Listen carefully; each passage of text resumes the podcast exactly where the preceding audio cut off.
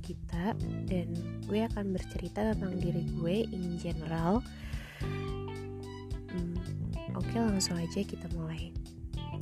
Jadi nama gue Eka Gita Nur Amanah. Eka artinya satu. Iya, gue anak pertama. Kita tuh gue baca-baca dari bahasa Spanyol, artinya mutiara. Terus ada juga yang bilang nyanyian atau nada gitu. Ortu ngasih nama ini karena pas gue lagi di dalam perut nyokap, Dewi Gita tuh lagi hits. Lagunya diputar terus di radio. Nur Amanah.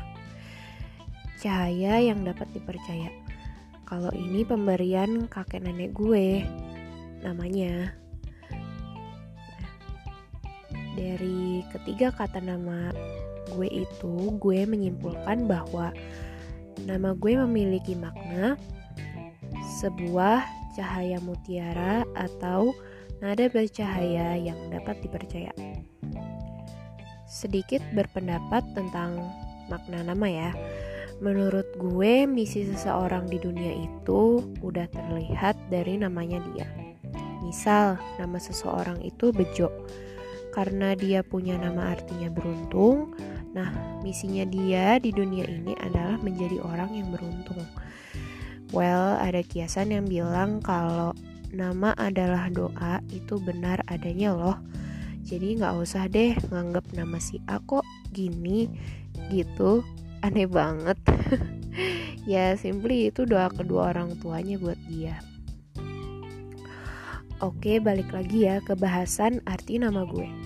Misi gue di dunia ini adalah memberi harapan yang paling bersinar bagi kedua orang tua gue. Berarti gue sangat diharapkan memang untuk menjadi anak yang baik dan membawa perubahan baru di keluarga. Untuk nama panggilan, gue kecil dipanggil Eka, temen SD sampai SMA, hmm, SMA sebagian sih manggil gue Eka juga beberapa teman SMA tapi manggil gue Egit. Dospem gue manggil gue Gita. Udah nama panggilan gue berputar di situ aja. I choose Gita karena namanya terlihat kalem dan dewasa untuk podcast ini ya. So udah kejawab ya kenapa gue memperkenalkan diri sebagai Gita di sini. Sip deh kalau gitu. Eh Kenapa kok nama podcastnya ada kata bercerita? Simply karena gue suka cerita sendiri sama diri gue sendiri. Kadang-kadang sampai bisa mainin peran di dalam otak. Lo bayangin aja deh gimana tuh. Nah, Cerita dikit.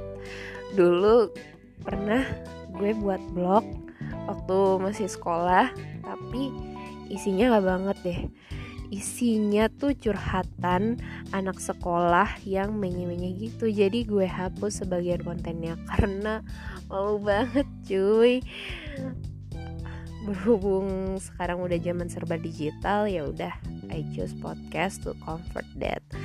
So segitu aja dulu perkenalannya. Gue kita sign out